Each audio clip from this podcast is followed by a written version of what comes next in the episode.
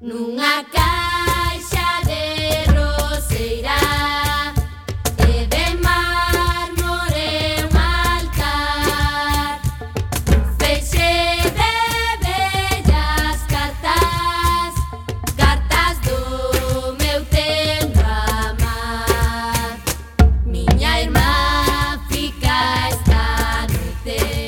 Damos vos a boa tarde. Que tal está de recendeiras e recendeiros e de benvidas e benvidos, usando esta linguaxe tan políticamente correcta, a este espazo radiofónico semanal que dedicamos a cultura e que facemos mm, en rigorosísimo directo todos os martes a esta hora 7 da tarde aquí en Cuac FM no 103.4 do voso dial Cuac FM, a Radio Comunitaria da Coruña.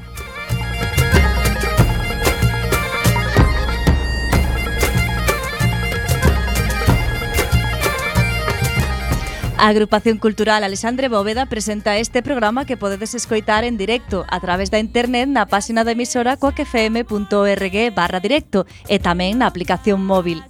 E se non chegaches a tempo, non tes excusa, meu rei. Podes descargar todos os programas xa emitidos en Radioco, ese mega podcast da nosa emisora, ou tamén podes escoitalo na redifusión. Temos tres, os mércores ás 8 da mañá, os venres a 1 do mediodía e na madrugada do domingo luns, exactamente na medianoite.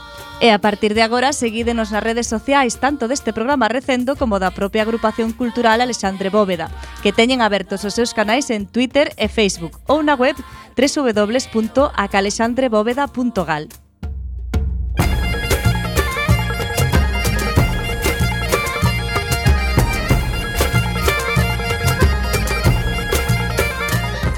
Pois estamos en vía, non imos esperar máis e caraló cada programa, cada martes, unha fantástica aventura cultural como a de hoxe, con Roberto Catoira no control técnico e falándolle coa Almenteira temos na locución a espelida Marta López.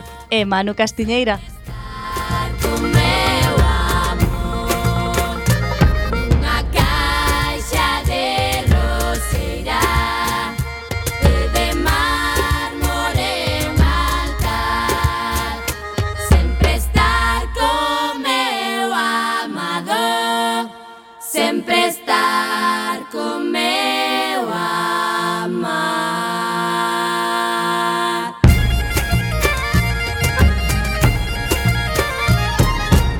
E chegamos ao programa número 320. Hoxe estará connosco Emma Pedreira, unha das escritoras e poetas máis sobranceiras da literatura galega actual. E teremos a sección de feminismos a cargo de Yolanda Naya. Ademais diso tamén imos ter espazo para citar e falar das actividades da nosa agrupación e dos outros eventos que se fan na Coruña e na Galiza e que, por suposto, tamén son cultura. En canto á música de hoxe, pois resulta que no ano 2015 o grupo Dous na Fronteira editaron un fermoso disco titulado Sons de Nos, con cancións baseadas en poetas e, autora, e autores da xeración Nos. Así que presentamos, a modo de introducción e de presentación do programa, a primeira peza de hoxe. Leva por título Noiturnio 9 e está baseada nun poema de Eduardo Blanco Amor.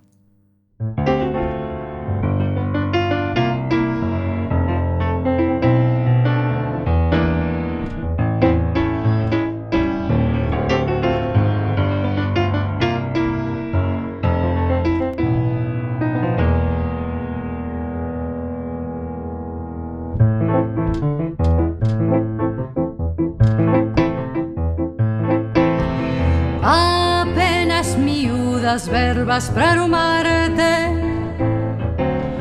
Baixo chío de luz dos astros mortos Toma un feixe de lirios siderais Pra que acendas no camiño longo. Entre o cello e a terra no feitizo vieiros claros Que deixe teu vagar estrelecido E te seguir por un roncel de prantos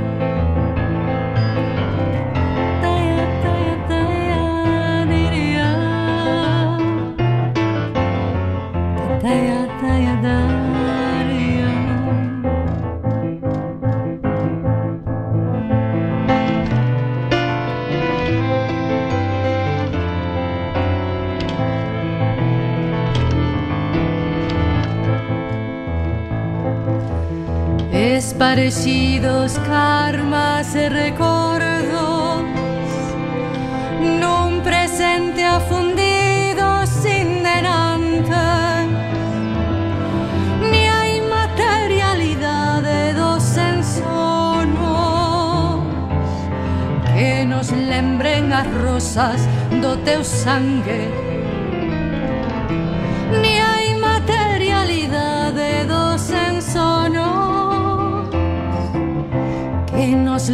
ten as rosas do teu sangue.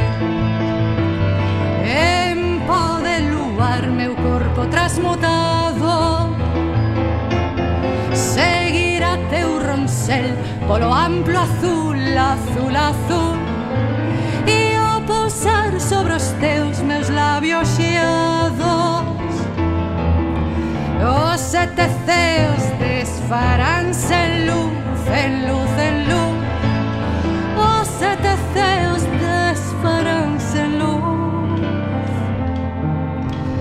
Ao pousar sobre os teus meus labios xeados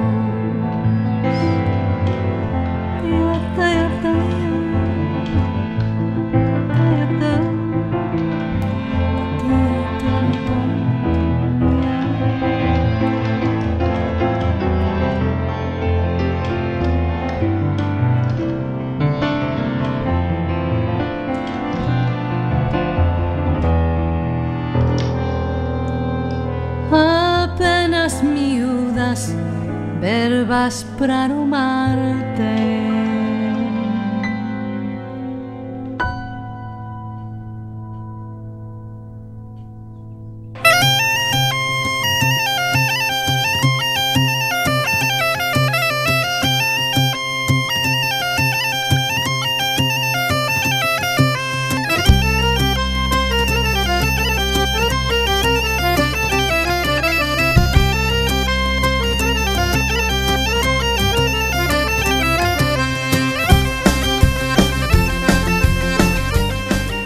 a quenda das asendas culturais empezamos, como sempre, coa da nosa asociación Alexandre Bóveda.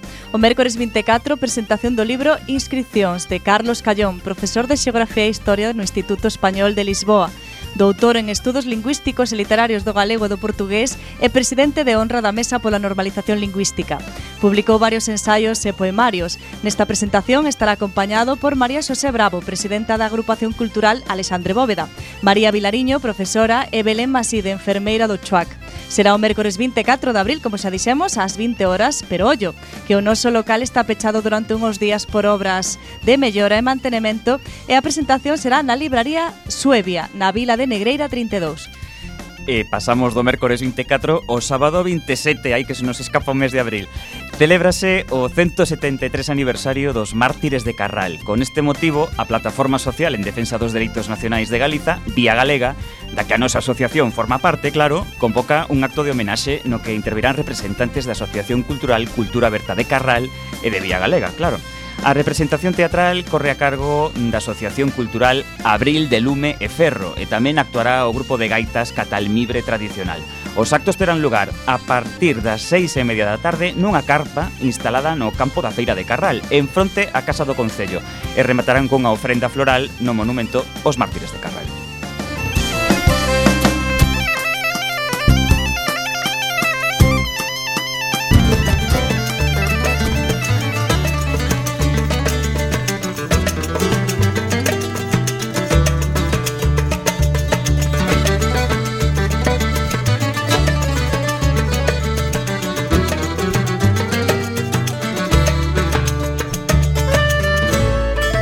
Imos a xenda da Coruña e empezamos polo eido audiovisual.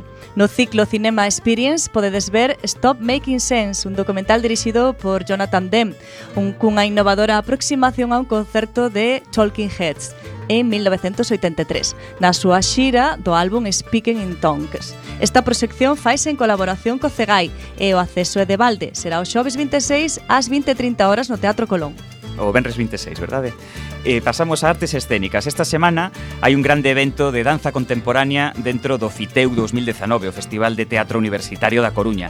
Podredes gozar das pezas O Solsticio de Piazzola, da compañía de danza da USC, Desbandada en si bemol, de Doutra Sourense, e finalmente accións do grupo Danza Normal tamén da Universidade da Coruña. O xoves 25 vai ser ás 8 e media da tarde no Teatro Rosalía con entrada de balde. Historia dun calcetín é un espectáculo de teatro de obxectos para nenos de 4 a 8 anos e familiar, que foi dirixido por Pablo Berñe e representado pola compañía A Canica. Será o sábado 27 ás 18.30 horas no Foro Metropolitano. Comer é un placer, pero antes hai que cociñar e escoller os mellores produtos, porque as mazás poden ser verdes ou vermellas, as galletas grandes ou pequenas, os tomates da casa ou do outro lado do mundo. Diso trata Ñam, a obra do grupo coruñés Caramuxo Teatro. Poderá verse o domingo, xa día 28, en dous pases, ás 11:30 e a 1 no Agora. En canto á música, o ciclo de concertos de música de cámara organizado pola Sociedade Filarmónica de A Coruña en colaboración coa OSG ten esta semana unha cita importante coa actuación do trío formado por Máximo Espadano, Anjumino Bebar e Marco Sana. Será hoxe martes 23 ás 20 horas no Teatro Rosalía. Por outra banda, Escuchando Elefantes inician un novo tour desde o seu accidente de coche en Francia no 2017. We Are Fine, Thank You será unha xira para celebrar máis dun ano de calma no que a banda tivo que parar por problemas de saúde. Será o Benres día 26 ás 10:30 da noite na Sala Mardi Gras. E no Templo Coruñés do Jazz hai unha cita importante tamén, coa actuación do dúo formado por Víctor Prieto ao acordeón e o fantástico Ape, Ave Rabade ao piano. Será mañá mércores 24 con pases ás 22 horas e ás 23 eh, cuarto. Dentro do ciclo 1906. Ollo, a entrada inclúe consumición. A ver se adivinades cal. Bueno, intentaremos adivinar. e eh, un último apunte respecto á xenda local eh, falando do próximo martes, que xa día 30 de abril, clausuras en Palexco unha exposición de Ana de Matos co título de Mans de Bruxa Ardor, que trata sobre todo o universo das meigas.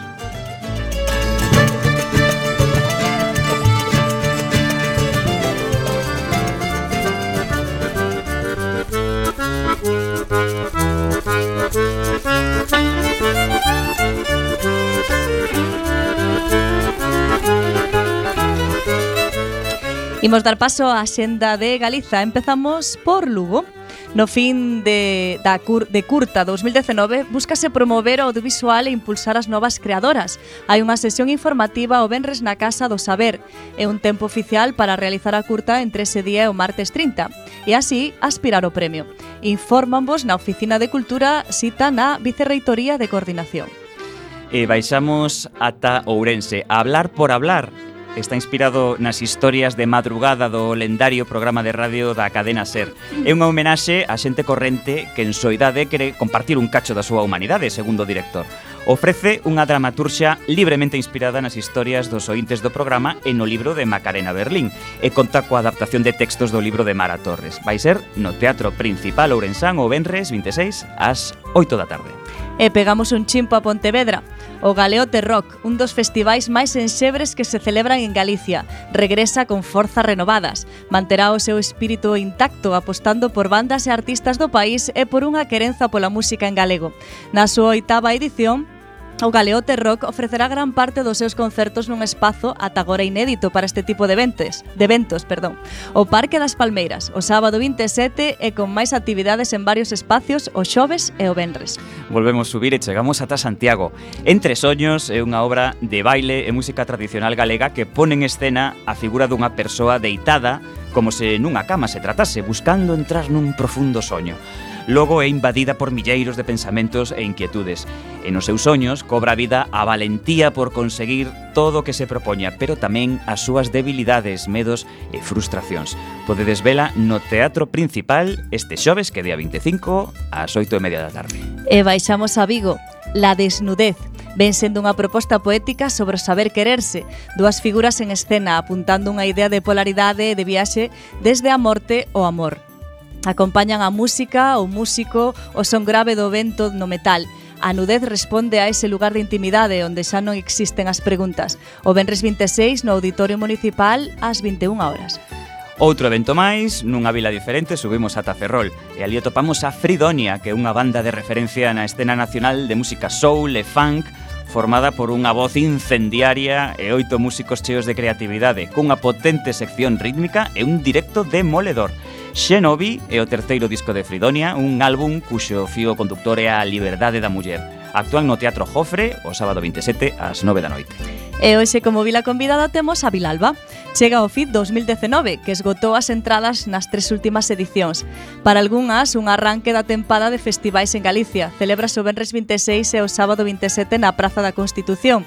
E conta con Los Planetas, Dorian, La Sonrisa de Julia, La Moda, Siloé, De Pedro, Sidonia en formato DJs, Miss Cafeína, Iván Ferreiro, Maren Ladson, Cheese and Bacon como DJs e a banda de música do Povo. Bye.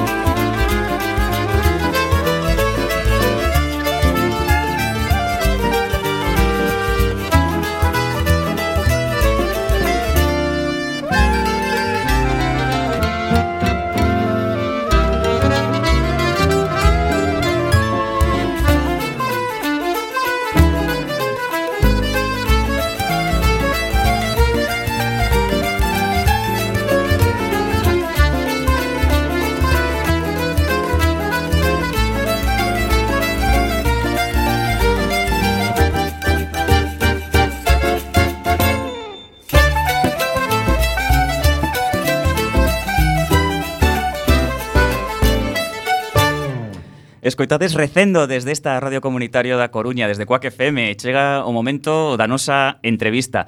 Se sodes habituais de recendo, xa saberedes que temos certa devoción pola poesía, así que ides entender sen problema a ilusión que nos fai ter hoxe connosco a poeta Emma Pedreira. Emma comezou moi cedo nisto da poesía cando no ano 99 publicaba o seu primeiro poemario. Titulouse Diario Bautismal dunha anarquista morta O que lle seguiron, entre outros, Gimario, Corpo ou Antítese da Ruína, ata chegar o seu título máis recente Antídoto, publicado ano pasado por Alvarellos. Emma Pedreira gañou unha chea de premios, pero quizáis o máis importante e co que acadou unha maior cota de popularidade foi co Premio Jovellanos. Recibiu o galardón no ano 2017 coa súa composición lista da compra da viúva, un poema que foi recoñecido internacionalmente como o mellor poema do mundo, aí nada. Emma Pedreira non só mostra o seu talento para a escrita na poesía, tamén é autora dunhas cantas novelas como Bestiario de Silencios, As cinzas adentras ou Vesta do seu sangue, pola que gañou o Premio Xerais de Novela. Vesta do seu sangue retoma unha das figuras máis lendarias do imaginario colectivo galego, o do licántropo Manuel Blanco Rosa Roma Santa.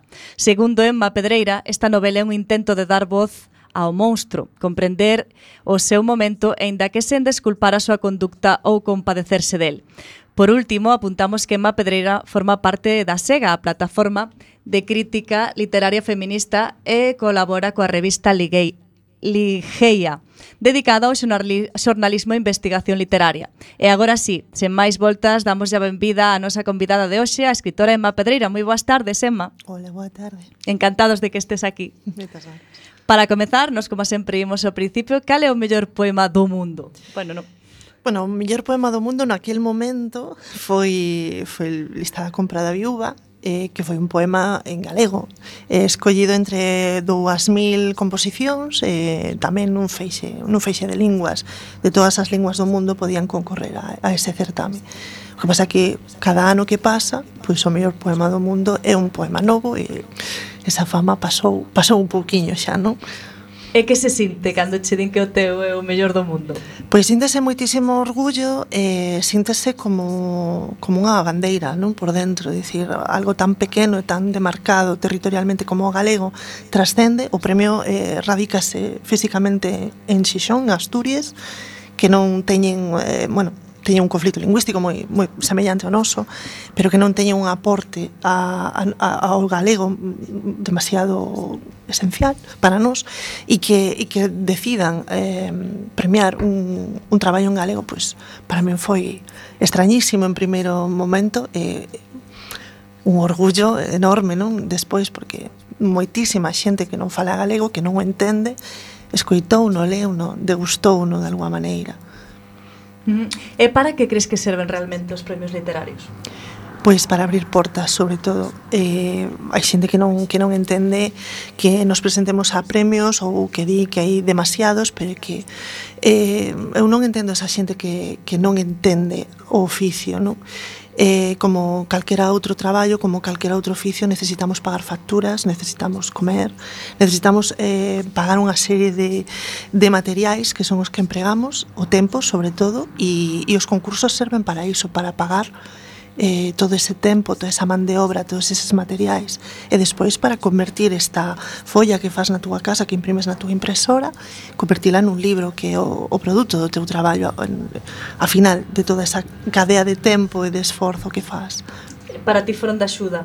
Sí, sí, claro, para min é que supoño que para calquera autora ou autor que se presente sempre pensas que é unha porta cara ao libro e cara a unha mellora, unha saída desta precariedade laboral na que tamén estamos inseridas as escritoras. Euma, e ti con cantos anos empezaches a escribir?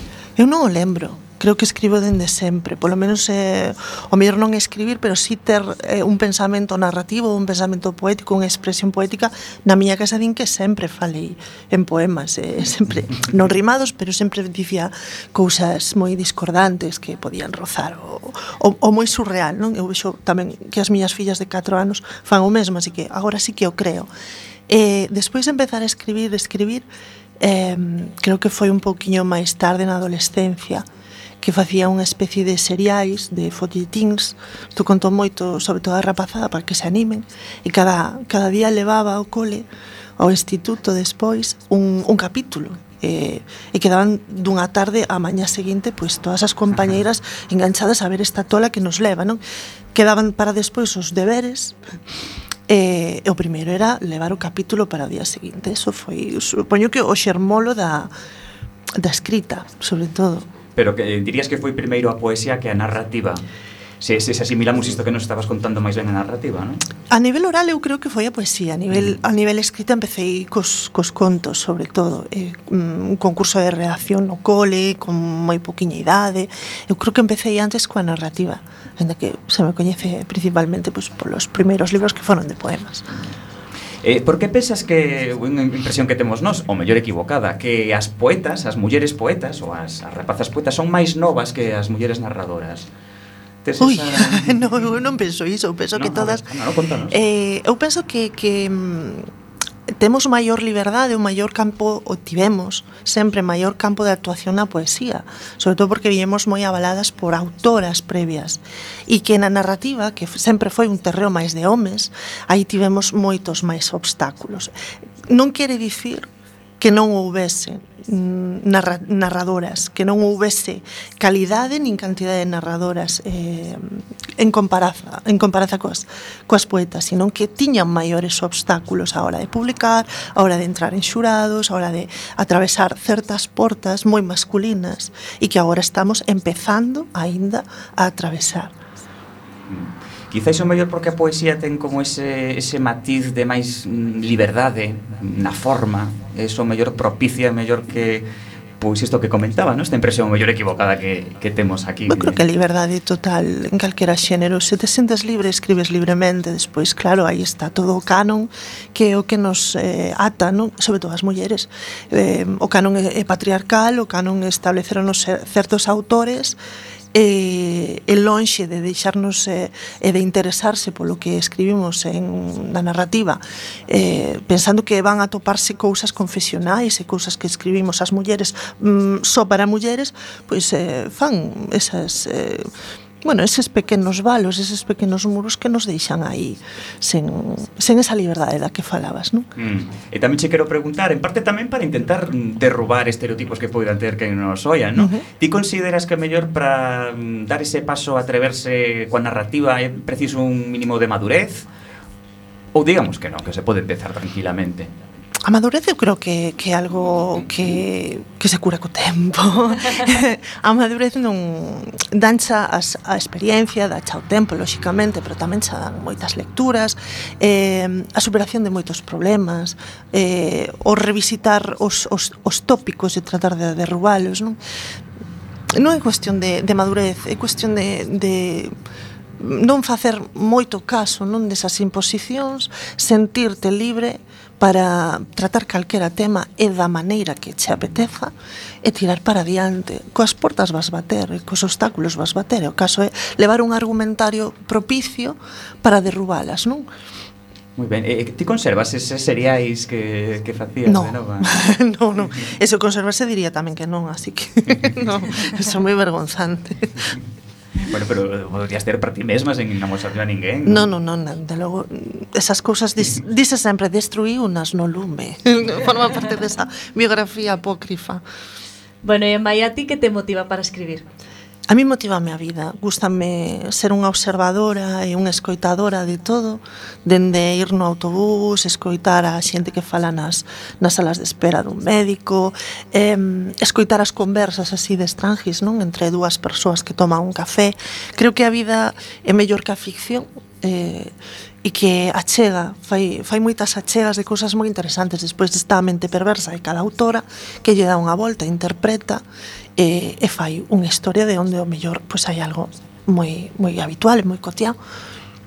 E que cousas son esas que, que poñen garda a túa sensibilidade, por exemplo? Pois agora mesmo eh, pois diría que, que a miña sensibilidade está a flor de pel nas cuestións que teñen que ver coa maternidade, non? por cuestión do momento que estou, que estou a pasar eh, da busca de conexión con, cos, coas, cos ouvidos máis novos creo que temos aí eh, como unha serie de públicos a, aos que alimentamos moi ben certas autoras, certos autores pero que esquecemos a outros. Eh, busco unha conexión con, con público máis novo cos seus intereses. Eh, supoño que por ser por ser nai, non? Que quero comunicarme con, con esas fillas, esas amigas das miñas fillas, esa, ese círculo que as rodea.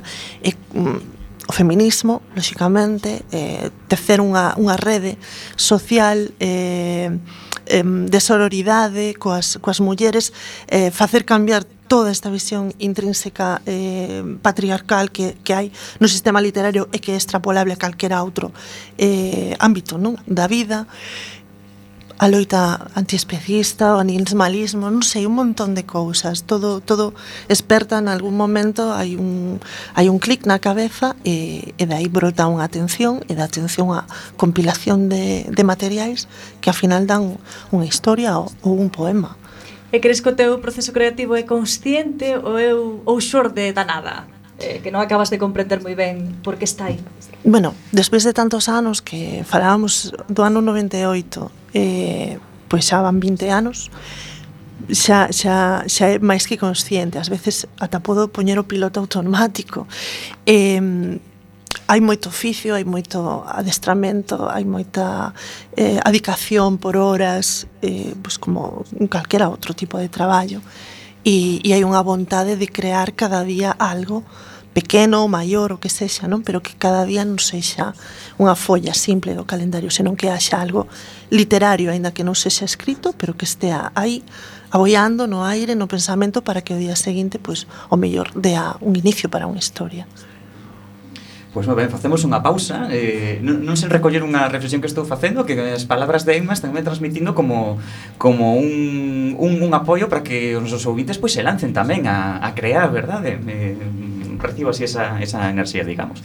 Ben, un pouquiño de música entre poesía e música Podíamos pasar a tarde toda. Imos escoitar outro tema Leva por título Para facer un feitizo De novo interpretada por Dous na fronteira. En esta ocasión está baseado nun poema de Fermín Bouza Breia Laimos.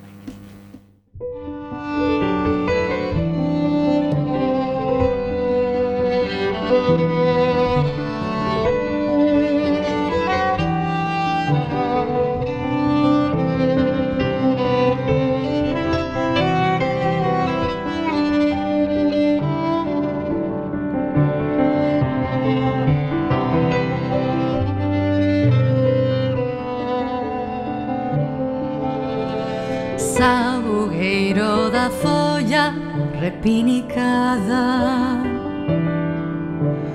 Polo mayo estralando de blancas flores. Calle hecho un ramayo la madrugada. Para hacer un feitizo pros meus amores que non fuxan os melos apago niño. No máis me curruncho dos teus verdores. Esgazar e chas pongas moi amodiño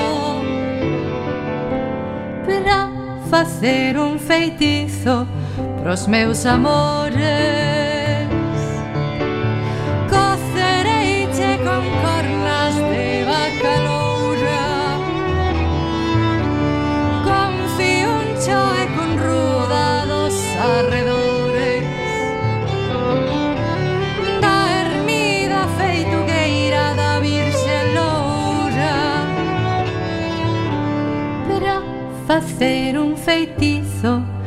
os meus amores. Para este amor sabugueiro que me entolece. Túas flores segura menciñas son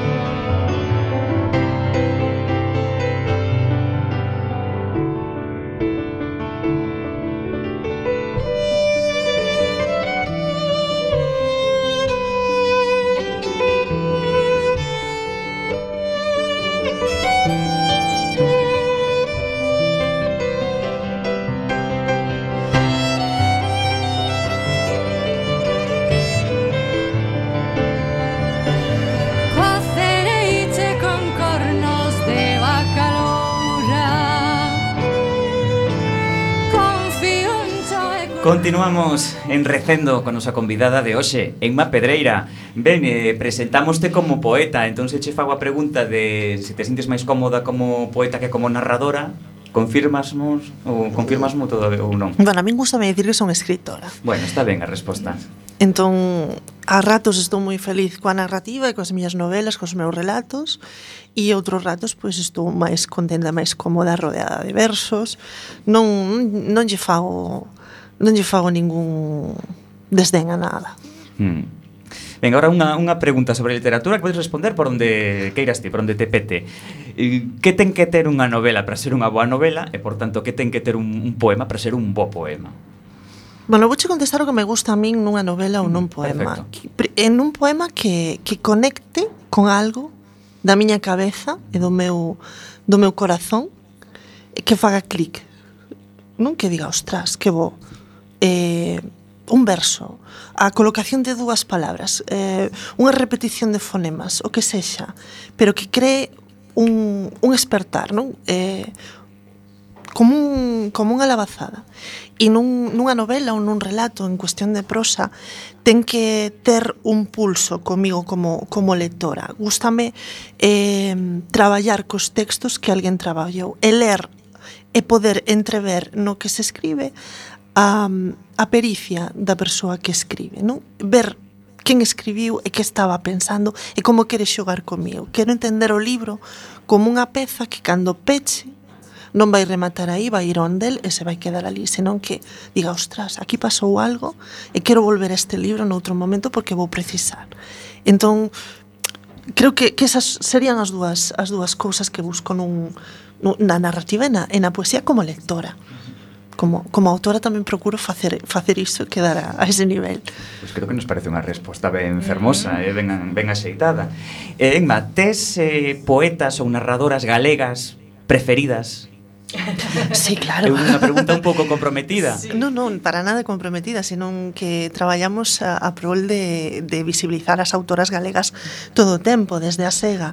Pois calquera das miñas compañeras na SEGA son poetas e narradoras maravillosas. Está Susana Sánchez Arín, Celi Ríos, vou me esquecer algunha, queridas, se me escoitades, perdoádeme.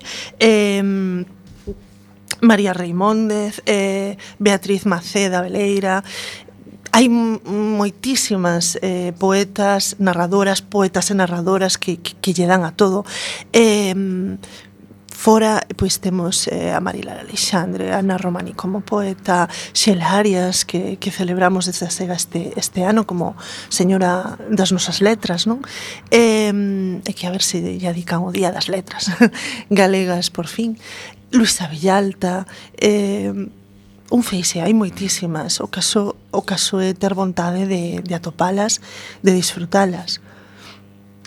Eh, a poesía galega, eh, digamos que, bueno, a historia da poesía galega está escrita en feminino, podemos considerar. Entón, de cara ao futuro, co que nos acabas de avanzar, parece que temos mm, hai unha perspectiva asegurada, ¿no? De que eh, o punto de vista feminino na poesía galega vai seguir durante moito tempo. Como ves? Bueno, vexo, vexo que, que hai potencia e que hai que, que estamos erguendo voces para reclamar non só catro mulleres eh, homenaxeadas nas letras galegas, senón que hai unha nómina moi importante de esquecidas eh, que podemos ir collendo ano tras ano eh, para poñer un número paritario de mulleres autoras eh, con todos eses autores que xa se celebraron, dicían hai, hai uns meses cantas autoras precisaríamos para ter paridade? Pois durante 40 46 anos celebrar eh, unha autora, non? Todos os anos e así eh, faríamos un empate de autores e autoras no Día das Letras Galegas. E dicía alguén, e ainas? Ainas, sí que as hai.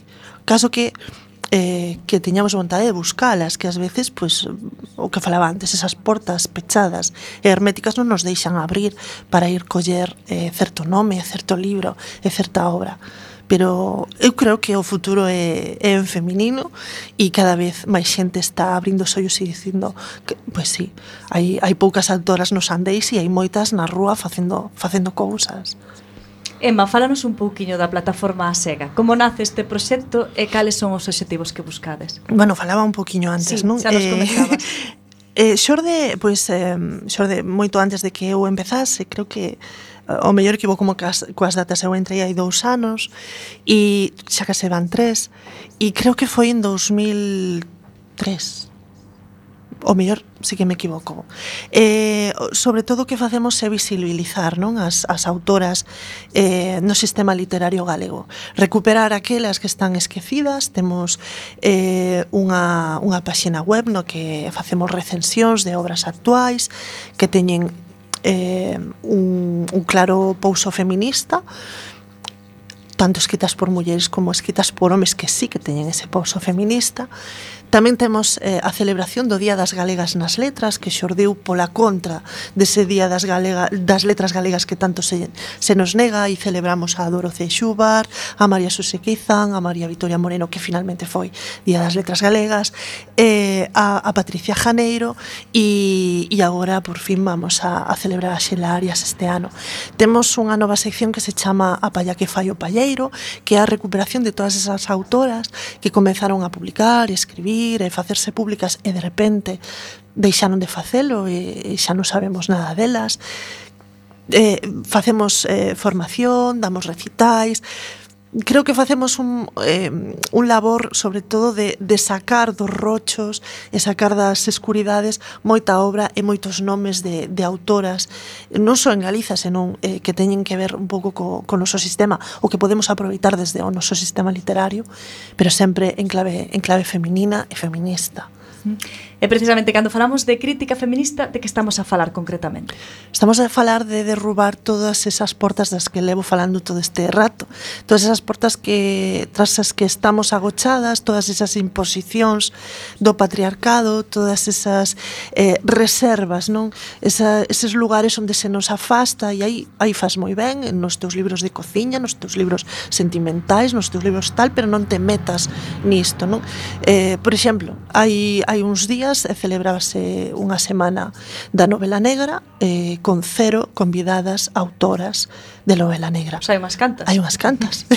Pero, eh, pois, pues, contra iso, é o que, o que temos que, que levantar a voz, non? Si que as hai e son estas, e fixeron estas obras.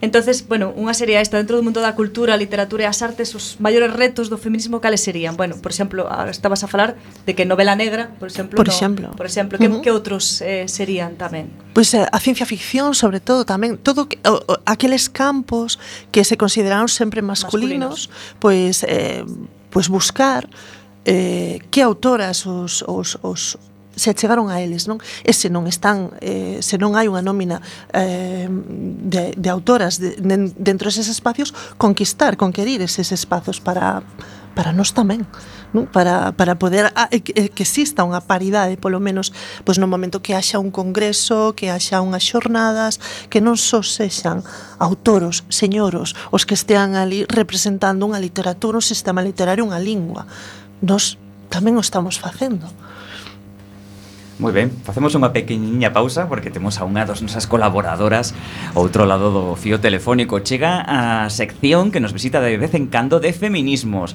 a cargo de Yolanda Naya que nos trae tamén a súa sintonía.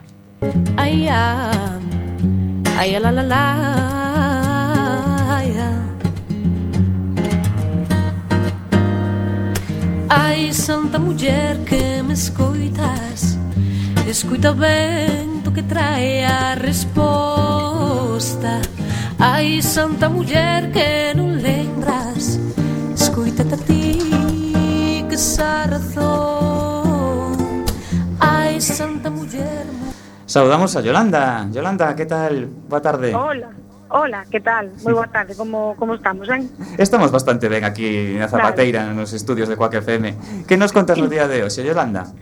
Pois, mira, bueno, mm, como intento facer sempre, retomo un pouco o fío da mm. persona mm. que está con vos falando, que acabo de escoitar agora así un pouco o final, e evidentemente falando de señoros que non quereríamos, pero bueno, as cousas están así, eh, bueno, pois pues entendo que sería non, no eido da literatura, etcétera, Nada, unha notiña sola, o colectivo de xornalistas galegas que escribe tamén aparte no, no, no seu Twitter, e, bueno, fan adoitan eh, poñer eh, chíos, no? de, por exemplo, sección de opinión dos xornais galegos hoxe. O último que teño diante, 21 de abril. Uh -huh. Voz de Galicia, oito homes, unha muller. Faro de Vigo, cinco homes, cero mulleres. El Progreso, nove homes, cero mulleres. La Región, sete homes, dous mulleres, dúas mulleres, perdón. Xa decía masculino, xa me salía. El Correo Gallego, cinco homes, unha muller. Día de Pontevedra, cinco homes, unha muller. Bueno, ante os datos, verdad? Sí. Esos datos mm, incontestables. Mm. En fin, bueno, pues nada, simplemente eh, a maiores de todo esto, ¿no? a nosa denuncia eh, sistemática, pública, eh, a, aberta, en voz alta, a berros, o sea, non sei ni como dicilo, porque xa é sempre...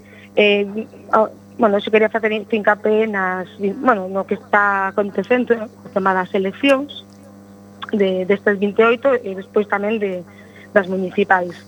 Non, as estatais e as municipais. Eh, nada, eu simplemente desde, desde os colectivos feministas, mm, bueno, Marcha Mundial das Mulleres, no que estou eu, pedimos eh, un voto de resistencia, de resistencia directamente. Non podemos dar un paso atrás, eh, temos eh, o trifachito dando máis, mm, se cabe, no? eh, dando máis duro que nunca, eh, en todos os ámbitos, porque ademais, bueno, onte estivo estiveron os de Vox, bien, non facendo aquí un, bueno, iba a decir unha palestra, un meeting, pero bueno, mellor vamos a deixar o tema de, do que puderon falar, pero non podemos eso eh, esquecer que aquí temos unha outra pata, como decía a outra, a outra conexión que tivemos, outra pata do, do trifachito, que xa nos leva gobernando moito tempo, e contra o que sí levamos loitado moito, moito tempo, en moitas meitísimas antes que a min eh, do feminismo galego. Porque, a ver, que, que sería do, das, das mulleres de non, de non ter loitado contra eh, propostas que, que son totalmente anacrónicas. Eh, o, a, desde a lei do divorcio, na, a, a, ante a que o PP se, se opuso, vale, eh, a lei do aborto, ainda acaba de falar ahora mismo este día, se foi onte, antonte, eh, o eh, Pablo Casado, ¿no? do PP, mm. que sigue en contra, quere derogar a que existe, quere volver a, a levarnos ao pasado, a lei de prazos, é abominable, pois entendo que tamén Vox para o mismo, eh, Ciudadanos, bueno, neste caso non sei moi ben o que opina, pero bueno, non creo que sean moi avanzados tampouco. Mais, ventre da Luber, ese outro delirio. Eh, apoian o, eh, eh, Ciudadanos, apoian o PP, entendo que Vox tamén, e despois xa o colmo dos colmos a, de violencia de xénero que directamente directamente o partido do señor Abascal quere derogar quere levándose outra vez a, a, ao ámbito do, doméstico vale, o sea, xa prácticamente non se conseguiu frenar, no? ni, ni parar a violencia, a violencia de xénero, pero polo menos conseguimos sacalo da casa, vale, sacalo da casa e e se volven a gobernar esta xente que vai ser de nós, no? que vai ser de nós e que vai ser das mulleres. De todos os xeitos, tivemos unha contestación tanto este ano como ano pasado, o 8M, e, bueno, por eso eu pido voto das mulleres, pido voto das mulleres, un voto, eh, bueno, pues, digamos, progresista, evidentemente, eh, eh, contra o, tri, o tripachito. E só un apunte máis, incluso no programa económico, mm. no programa económico de, de, de, de da dereita, eh, de, de da extrema dereita, evidentemente, eh, para as clases eh, menos favorecidas eh, é eh, peor, evidentemente, se vai mal para as rentas baixas, sempre, sempre, sempre irá peor eh, para as mulleres, porque temos mm, o, a, o maior índice de traballos precarizados, os salarios precarizados, que non son eh, eh, iguais. É dicir, todavía sería eh, sería todavía peor. Entón, mm, ben, pois, mm, despois deste casi meeting... sí, eh, son, que... son elementos suficientes para reflexión nestes para próximos sí, eh, días. Eh, efectivamente, eso, eso é de verdad que o, o que, bueno, por lo menos desde, desde os, eh, os colectivos feministas eh, é o que desexamos, vale, que desexamos, para que non sexa como pon a marcha mundial das mulleres de Galicia para que non sexa a última vez que poidas votar, votar e vota, bueno, pensando en un pouco en todo, ¿no? pero sobre todo en nós. Bueno, así. Moi ben. Bueno, pois pues moitas grazas, Yolanda, por, por la túa presenza, pola valentía en todo o que dixeches, e eh, quedamos en, en falar nunha próxima ocasión. Moi ben, perfecto. Veña. Graciñas. Moitas grazas. Un, gracias a vos. Unha aperta, Yolanda. Ata logo. Chao, chao. Seguimos falando uns minutiños máis con Emma Pedreira e, e tamén non queremos esquecer eh, a besta do seu sangue, non? A túa última novela e coa que gañaches o premio Xerais. Eh, dinos, que, que foi o que atopaches tan interesante no, mm, neste personaxe de Roma Santa? Pois eu creo que, sobre todo, esa esa conexión que ten con, con outro personaxe que a mí me fascina, que é Jacob Destripador, que eh, e con todas esas cabezas psicópatas que hai a través da historia, pensar que é o que pasa por unha mente dunha persoa supostamente normal, que ten unha vida normal, e, e que chega a cometer este, esta serie de actos.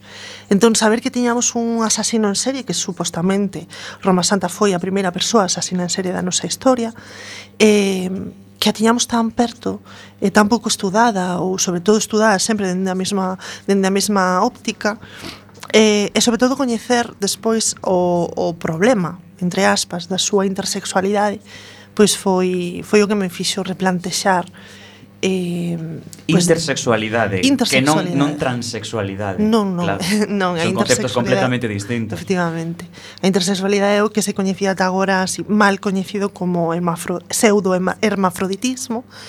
E, e, bueno, fala un pouco desa diversidade sexual que tamén eh, forma parte pues, de, do, das vidas, non das persoas e que ne, neste momento en esta, nesta persona si quedou totalmente pois desaparecida non se soubo nin se quixo eh, facelo público e probablemente aí está un, un dos kits non? Da, da, da cuestión desta perversidade. Por que crees que matou a tanta xente?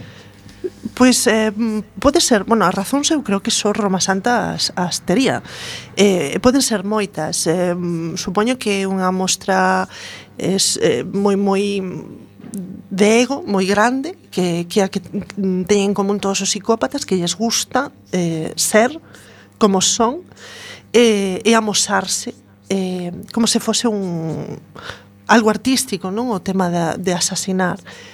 Eh, tamén o, o feito de ter sido muller durante unha época e despois home pois o que facía era que as súas vítimas fosen mulleres e, e algún conflito coa súa propia identidade, non? Neste caso, a súa identidade de xénero. Sí, bueno, e a xente pois pues, que lea novela, tamén. Así tamén terá, terá claves. sí. Emma, cando miras cara atrás, como pensas que foi a túa evolución como escritora? Eu creo que foi coherente.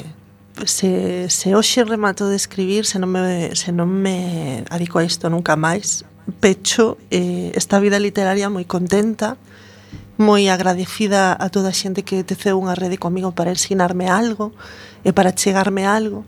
E moi contenta coa coherencia non, eh, non me arrepinto de ningún libro dos que publiquei.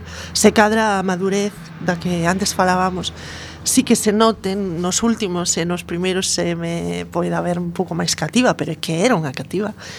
E, e a coherencia pues, eh, sí que me gustaría ser que fose unha desas palabras que, que, que acompañasen a, ao, que eu, ao que eu fago, non? O, o, o que fixen, polo menos. Eh, bueno, hai escritoras que, que din que para crear pues, que lle supón unha auténtica tortura. Para ti é doado ou sucedeche isto tamén? Depende o que, o que estea intentando facer. A min emocioname moito escribir, emocioname, pero as emocións son moitas tamén. Ilusioname moito nun principio cando, cando acado unha idea, digo, vou traballar sobre isto, despois causame moita ansiedade porque quero facelo en dúas horas, o mellor quero rematar unha novela ou un poemario en dúas horas de telo feito xa, porque son moi impaciente, despois frustrome porque non consigo que sexan dúas horas, o mellor son dous anos. E, e a busca do tempo, do espazo propio, dese cuarto do do que falaba Virginia Woolf, que eu creo que máis que metros eran horas e minutos, eh, e silencio sobre todo, e, e iso ás veces nas vidas que temos, pois non, non podemos acadalo. Entón, sí que hai moitas moitas eh, emocións diarias, non? Frustración, medo, despois eh, dúbida, non? No, no momento que pechas un, un escrito e dicir, Dios, isto será bo, como, como entenderá a xente? Eh, queimo Xa, e hai cousas que, ou temas dos que non poderías escribir ou podes escribir absolutamente de todo? Bueno, eu supoño que hai temas que non controlo para nada, ou a ciencia é algo que se me escapa, outros que non me interesan en absoluto, que tampouco descarto que, que dentro de 20 anos eu se xa unha tola deses temas, eso este escribindo sobre iso. Pero prefiro non adentrarme no que sei que non vou rendir ben e, e aí non aí non vou. Por exemplo, no teatro non non quero escribir teatro, aínda que se, que se me propuxo algunha cousa, porque teño moitísimo respecto pola xente do, do mundo do teatro, tanto xente que escribe como que representa actrices, actores, dramaturgos, e aí non, non metería o, o, o boli nunca. No. Pois imos facer outra pausiña musical e imos escoitar Campanas de Amarante baseada nun poema de Francisco Luis Bernard, Bernández a cargo de Dous na Fronteira. mm.